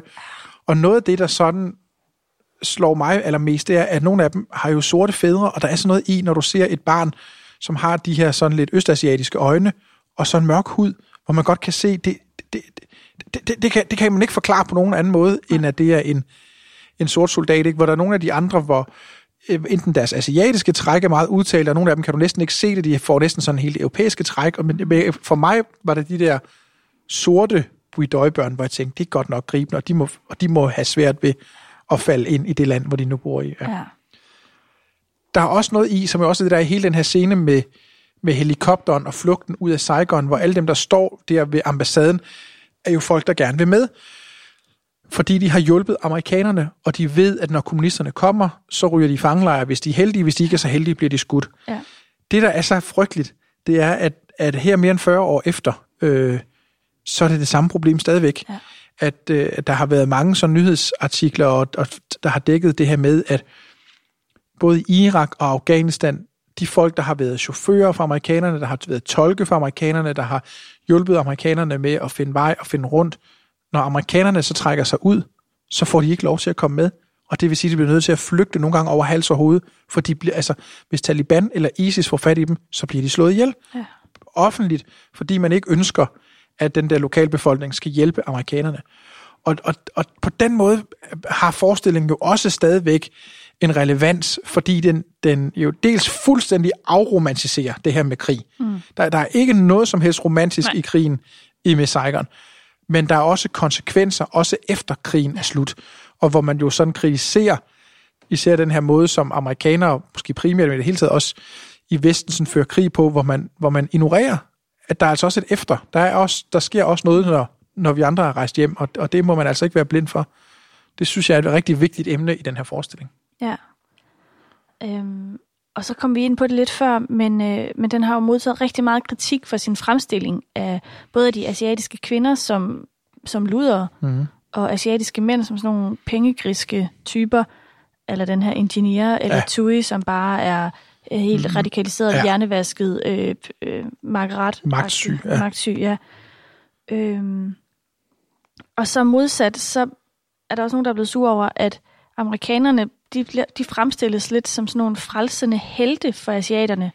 Øh, blandt andet er der nogen, der sådan kommenterer på det måde, det forhold Chris og øh, Kim har, hvor Kim, hun gør selvfølgelig alt, hvad hun kan for at redde Tam og redde sig selv, og hun kæmper med det. Øh, men hendes eneste billet ud derfra, det er Chris. Ja. Det vil sige, det er amerikaner. Den, den eneste, der kan redde, det bliver som symbolet på Vietnam og på, på USA, og den eneste, der kan redde Vietnam, det er USA, og da USA trækker sig ud, så er det helt frygteligt, øh, og det bliver kun godt igen, hvis amerikanerne kommer og hjælper tilbage. Altså når John kommer for Ja. eksempel og redder, og det er Bridor, altså Ja. stiller det her på, på benene og sådan noget. Det er til trods for, at vi har et rimelig nuanceret heltebillede, hvis man skal sige det Ja. sådan, amerikanerne, så er det trods alt stadigvæk dem, som skal redde øh, de her asiatiske karakterer, altså vietnamesiske Ja. karakterer. De kan ikke, og det er USA, der er, øh, det, er dem, det er det, der er paradiset. Ja. Det er det, der er målet, ikke? Og det har det fået ret, har det fået ret kraftig kritik for. Øhm, og også i den forbindelse med, med Jonathan Price, som mm. jo spillede den her halvt europæiske, halvt asiatiske mand, øh, ingeniør. Øhm, fordi han jo er en, en meget hvid, øh, kaukasisk Han er skuespiller. den videste englænder, der findes. Ja. Øhm, øh, om det var okay. Øh, og vi har jo selvfølgelig ændret, vi har snakket om det før, vi snakkede om det i Your Gun-afsnittet mm. omkring øh, indianerne, ikke? Øh, hvordan man fremstiller dem. øh, og deres folk. Øh, og, og det samme her, er det okay øh, at lave sådan noget yellow face, som man jo så kalder Ja. det i den her tilfælde. Er det okay at tegne et par sådan streger på øjnene? Og Så så man er kan du, spille asiater med ja. et par skæve øjne. Ja. Øhm, så det var, der, det var der ret meget øh, kritik af, at han havde den rolle. Velkommen tilbage. ja, tak.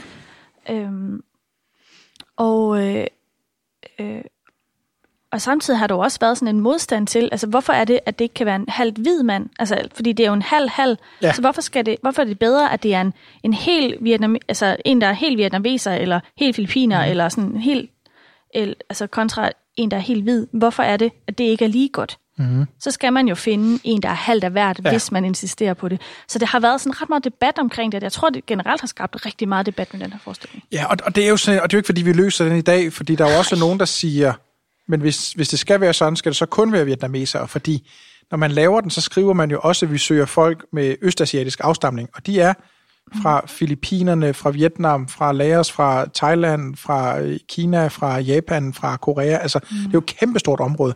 Undskyld. Skulle du have dig en lille pastille, dig? Ja, det tror jeg. Så tag dig en hals. øhm, Skal du ikke sige nogen brand names? Og det er jo, nej, undskyld.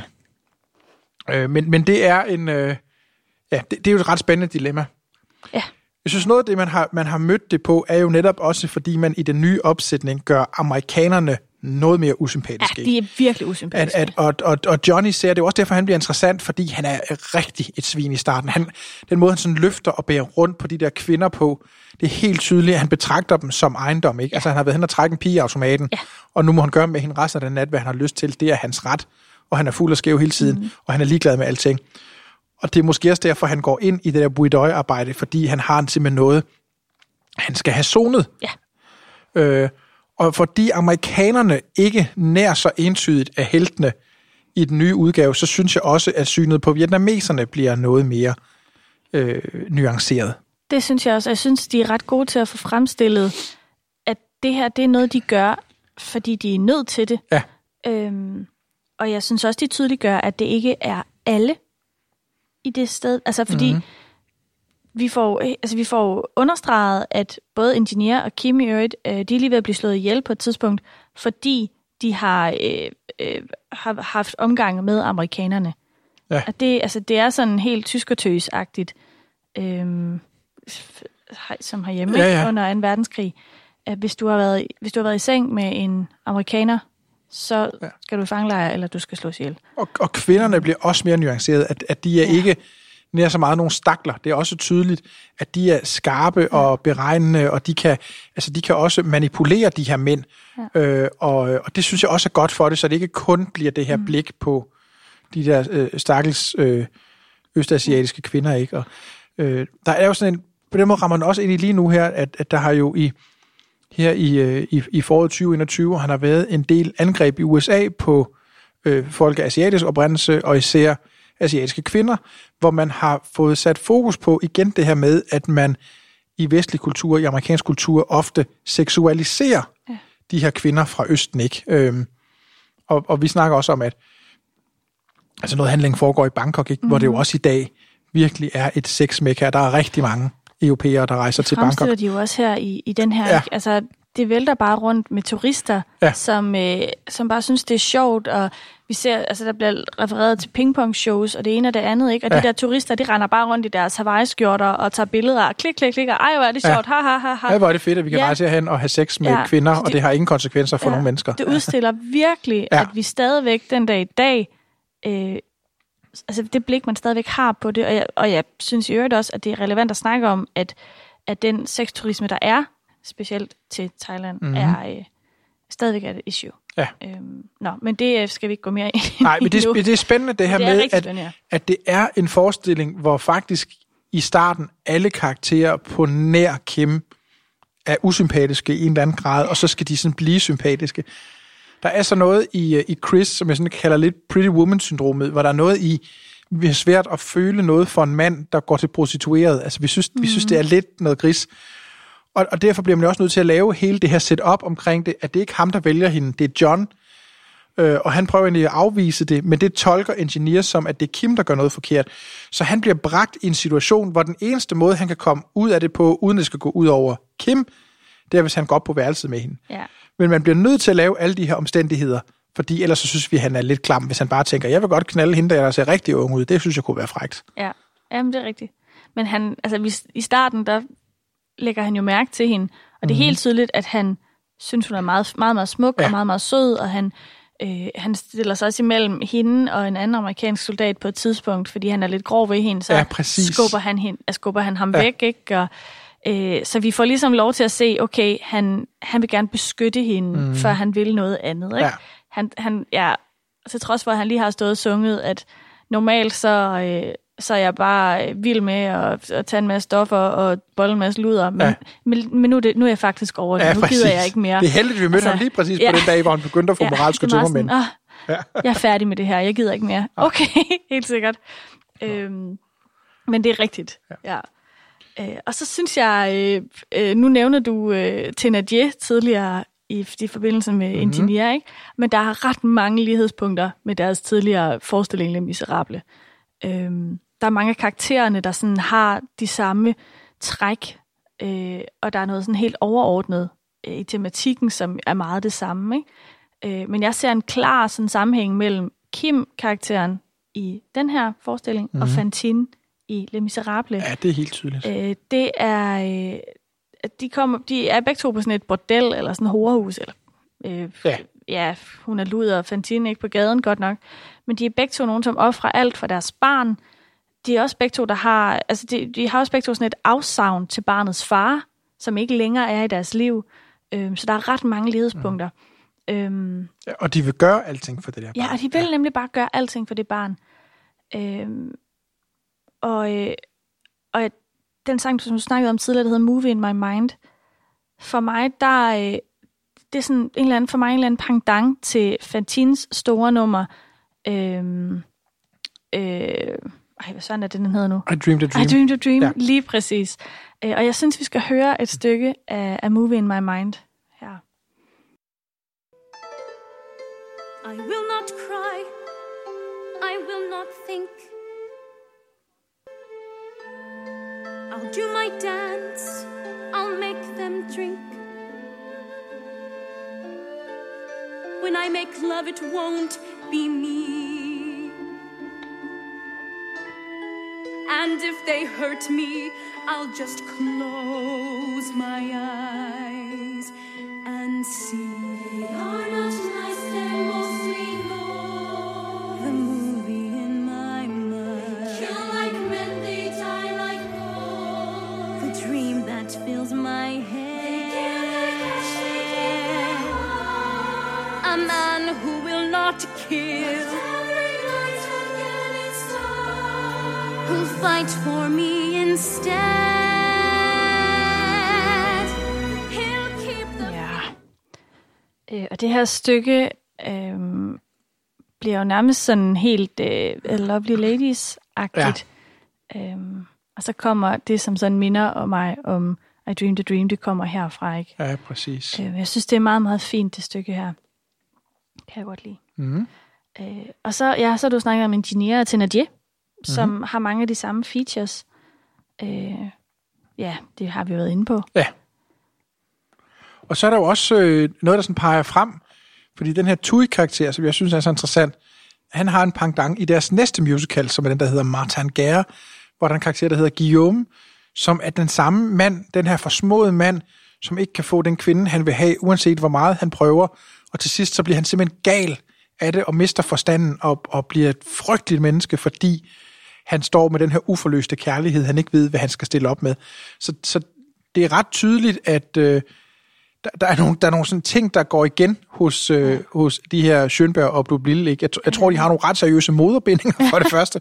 Og så er der noget med, med, med de her charlataner, som de synes er spændende, og, øh, og de her øh, sådan lidt psykopatiske karakterer, der sådan bliver vanvittige af ulykkelig kærlighed. Ja, og så er der jo også noget øh, omkring den måde, de fortæller historien på, for der er jo ikke rigtig nogen vinder i den her historie. Nej. Øh, og der er heller ikke rigtig nogen tydelig skurker, øh, skurkerolle. Øh, altså, der er mest Tui, som bliver gjort til, Mhm. mm-hmm. til skurken, ikke? Men selv han har jo nogle omstændigheder, der gør, at han har en mere dobbeltsidig karakter. Øhm, så det hele, det der er, det der er skurken i det her, det er krigen. Ja. Og det er de omstændigheder, de er placeret i, øh, som jo er det samme, der gør sig gældende eller miserable. Øhm, og så synes jeg også, altså i begge historier, at alle karaktererne, de kæmper ligesom med at gøre det rigtige. Ja. Og gøre, skråst, eller sådan modsat, at gøre, hvad der skal til for at overleve. Mm-hmm. Så det er hele tiden sådan en afvejning af, skal jeg gøre det moralsk rigtige, eller det, der er det, der skal til, før at jeg kan leve mit liv. Ja, det er faktisk ja. og det er rigtigt, og det er interessant, at nogle af dem er jo 100% over i at gøre alt, hvad der skal til for at klare mig, og nogle af dem har kvababelser og bliver så nødt til at, Ja. At vælge noget til og fra. Ja, det er ret interessant. Ja. Og så er der øhm, i den her forestilling jo også det her virkelig vidunderlige kor, som vi har snakket om. Det er i Bridoi, Mm-hmm. øh, det er i Morning of the Dragon, som du spillede for os, og det er øh, mange andre steder også helt åbningsnummeret, som hedder The Heat is On in Saigon, som jeg synes, I skal gå ind og lytte til. Ja, Det er det kunne vi også rigtig fint ja. spille. virkelig et fedt nummer. Øh, lækkert, stort, fantastisk. Øh, The American Dream, som han har, Ja. øh, slutter kæmpe, Kæmpe shownummer. shownummer, ja. Øh, helt absurd. På et helt absurd tidspunkt i øvrigt i forestillingen. Og helt over the top, og det er skønt. Et dejligt øh, ensemble-nummer også af stor kor. Øhm, og så er der det, som indtil i går var mit favoritsted i hele Mhm. forestillingen. Øhm, som er lige efter, at Kim hun skyder Tui. Øhm, hvor der kommer det her kæmpe øh, kor ind. Og I behøver ikke at høre, hvad de synger. I skal bare mærke den volumen og den lyd, der kommer ud af dem. I You Will Not Touch Him.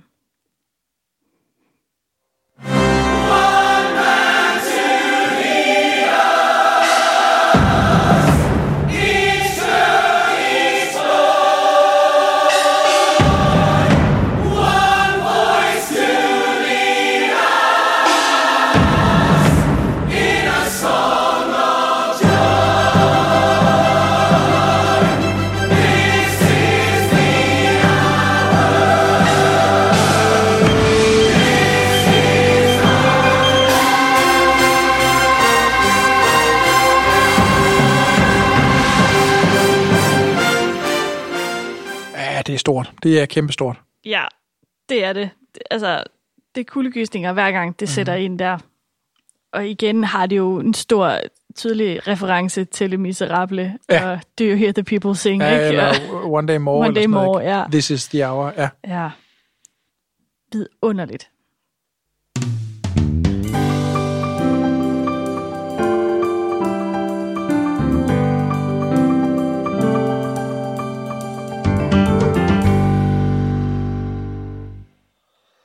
Nå, så skal vi jo tale om den her musical, om den har en fremtid i Danmark.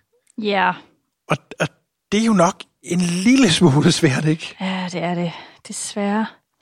Altså i Sverige lykkedes det jo, problemet er jo, at halvdelen af castet ensemblet skal se østasiatisk ud. Mm. Og så mange skuespillere i Danmark har vi simpelthen ikke, der er vietnameser, eller filipiner, eller thai, eller koreanere. Desværre. Ja. Desværre. Og dem, vi har, synes jeg ellers er dygtige nok, Mhm. mm-hmm. men der er ikke ret mange. Øh, Og spørgsmålet er, om man kunne få nok til fra Sverige og til, fra altså rundt omkring i verden, Ja. der kunne komme. Det er jeg ikke sikker på, det kunne lade sig Nej, gøre. det, gi- altså det, det lykkedes jo i, i Sverige, men man havde også fornemmelsen af, at det var med lodder og trisser, at ja. Man lige nøjagtigt havde nok. Ja. Og så har vi jo også talt om, at den har der er nogle danske amatørspil, der har lavet Mhm. den her, hvor det jo lige præcis har været med den, den sorte streg på øjet. ja. Den, den går nok heller ikke mere vel. Nej, det er desværre nok ved at være... Øh, det løber ved at være kørt. Ja. Ja. Jeg kunne ellers godt tænke mig at stå og lave The Heat is on Saigon og synge øh, Du er væk. Men øh, Der, jeg kan jeg huske til. øh, nogle gange, jeg har set den, hvor man kommer til at tænke på det, fordi der er simpelthen også noget med, hvordan vi sådan er bygget, og hvordan vi ser ud, sådan danske kvinder og øh, kvinder fra, fra Vietnam, ikke? Hvor, altså, der er noget med, når du ser sådan en dansk kvinde, som måske har lidt mere lov, og lidt mere bryster, og lidt mere hofter, end man har i, i Østasien, ikke? At, Ja. at det, det, det kommer til at se sådan lidt pudsigt ud, at det, de ligner ikke rigtigt, selvom de har fået en sort på ryg og en streg på øjet, vel? nej, man prøvede. Man prøvede. Ja. Til gengæld, så findes jo den udgave, vi har talt om nu her, jo med så stor begejstring. Altså, man kan blandt andet finde den på iTunes, og jeg tror, jeg gav 79 kroner eller sådan noget for den. Øh, Det alle pengene det er værd. alle pengene værd. Så Ja. hvis I gerne vil se den forestilling her, så gå ind og find den der, fordi det er en fuldstændig fantastisk opsætning. Jeg kan ikke anbefale det nok. Nej, Det kan jeg ikke. det er, det er virkelig, virkelig en god opsætning. Ja. Også fordi den er meget velproduceret, altså flot filmet, og at det det er ikke, man har ikke bare sat et kamera op til at stå og filme hele scenen, man har, man har klippet det og produceret det, og det Ja. er rigtig lækkert. Meget, meget flot. Og bare for hende, ja, hende øh, Eva Noblasata der. Mhm. Ah, men altså, hun er så dygtig. Vi ja. snakkede om det i går. Ja, Hende og Ben Platt, på en scene sammen. det, altså verden vil eksplodere. Det kan ikke lade sig gøre. Det er Nej. for meget awesome på en scene. Ja, det kan ikke lade sig gøre. Det er, altså, Det er too much. Ja. ja.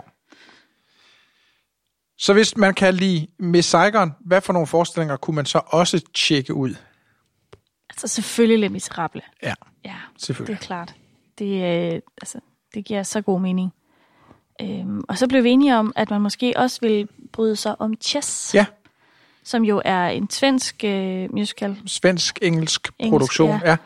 Ja. Øhm, Fra 86, så er der noget i tiden, der er den samme, og, og ja. også i lyden, der er, har den der engelske musical-lyd fra, fra slutningen af 80'erne. Ja. Men også, at begge forestillinger er jo også sådan en kærlighedshistorie, som er kompliceret, mm. sat op imod en ramme af noget, noget stor politik. I Chester er det den kolde krig, ikke? Men, men det samme, det der med, at der er nogle omstændigheder og noget politik og noget udenomkring, som Ja. ja. spiller ind på, om de her mennesker kan få hinanden eller ikke kan få hinanden. Som, så der er også på den måde nogle ligheder i historien. så er der også, hvis man er til sådan en tragedie, ikke? Jo. så tænker jeg også, at sådan en som øh, West Side Story måske Ja. ja. kunne være interessant for en. Øh, det er ikke det politiske øh, altså drama, men det er trods alt, øh, det er trods alt meget tragedie. Ja, og, og to mennesker, der også har svært ved at få hinanden. Ja. Øhm, så det kunne også være et bud. Mm-hmm. Det er sådan lidt forskellige veje at gå ja. i hvert fald. Men hvor ligger den henne i vores publikumsjul her? Den ligger øh, 112 procent i den overvældede kategori. Fuldstændig. Stort udtryk, stor drama, Ja. store følelser, stor lyd. Og man kunne bare, altså, hvis man havde siddet hjemme i min sofa i går og set Louise helt opløst i gråd af, af den her optagelse, ikke, så havde man ikke været i tvivl om, at det var der, den boede. Ej, ej det, var, at det var virkelig... Det var et stort, en stor oplevelse for mig, og det har nok været meget godt, at jeg ikke sad i en teatersal, for det havde jeg slet ikke kunne bære i den her krop. Altså. Nej, men det er rigtigt. Mhm. Mm. Og så argumenterer du for, at den også lidt ligger i den showglade, og jeg, jeg, jeg Lidt. lille, lidt, lidt, Ja. lidt vil jeg gerne give, give den. Ja. Det der er, det er, den har nogle ret fantastiske shownumre. The Heat is on in Saigon er et fedt shownummer. Ja. The Morning of the Dragon er et fedt shownummer med mænd, der flyver rundt på scenen og laver spark og har flag. Og Ja. The American Dream er et fedt shownummer, hvor der er Det er et klassisk det shownummer. er helt mænd, der Ja. ja. danser, og kvinder i paljetter, og ikke for meget jo. tøj, og en stor bil, og, og det her med helikopteren, der lander, og udstyret omkring det. Så Ja.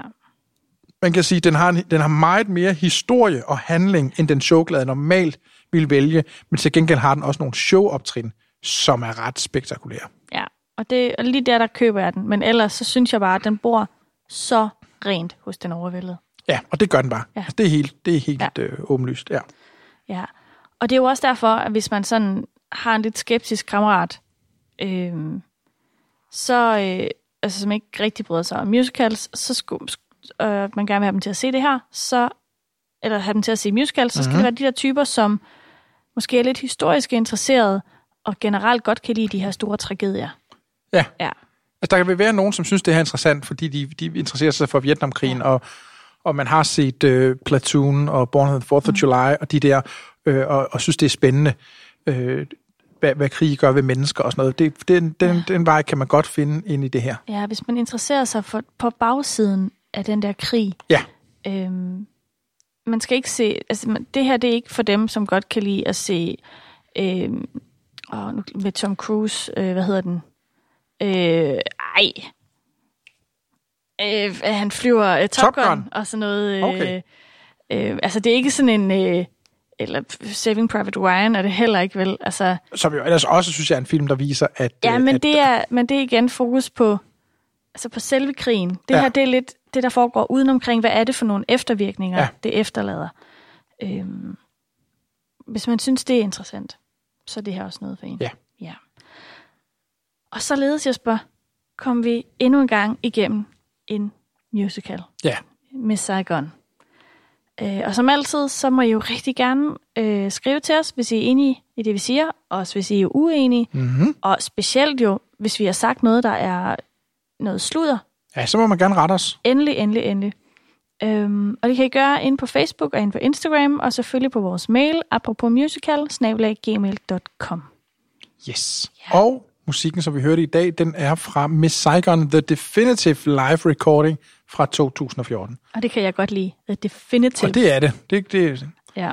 godt. Og i næste afsnit, som jo er det sidste afsnit i den her sæson, øh, der har vi en ledetråd. Det er måske en af de lidt svære ledetråde. Ja. Ja. Det kan godt være, at der ikke er ret mange af jer, der, der gætter den. Ja. Ja. Men nu, øh, nu får vi den alligevel. Så gæt med, hvis I, hvis I, øh, hvis I tror, I har et bud. ja. Den musical, vi skal tale om, er en af de mange musicals, der handler om en amerikansk finansminister.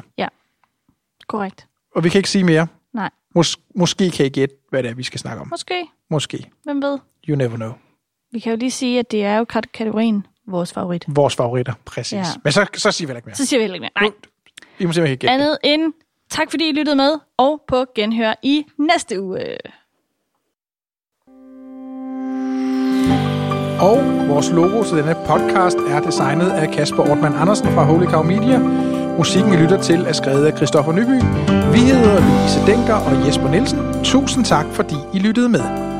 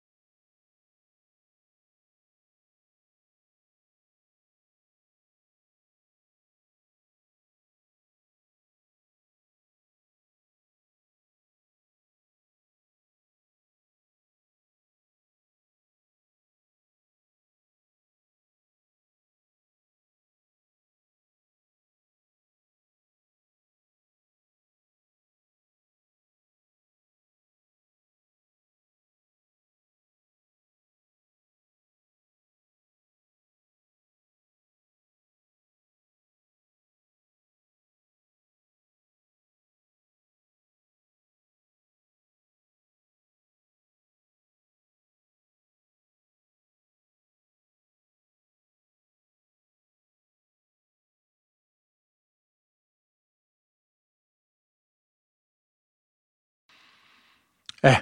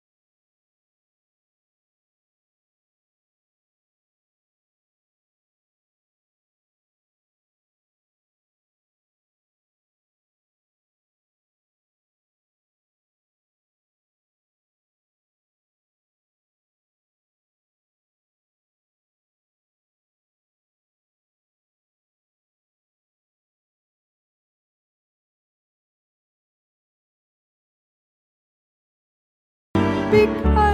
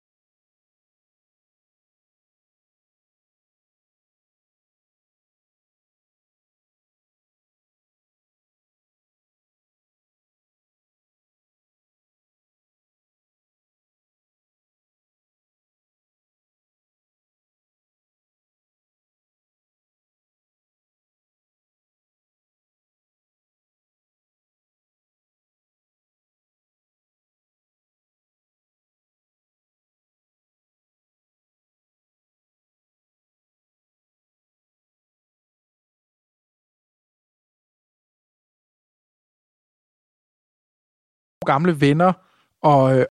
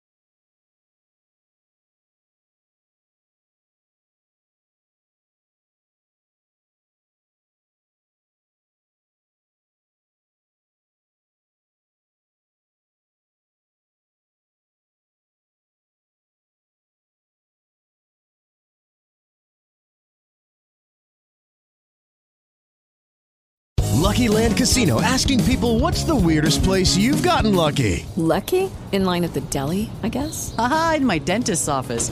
More than once, actually. Do I have to say? Yes, you do. In the car before my kids' PTA meeting. Really? Yes. Excuse me, what's the weirdest place you've gotten lucky? I never win and tell. Well, there you have it. You can get lucky anywhere playing at LuckyLandSlots.com. Play for free right now. Are you feeling lucky? No purchase necessary. Void where prohibited by law. 18 plus. Terms and conditions apply. See website for details.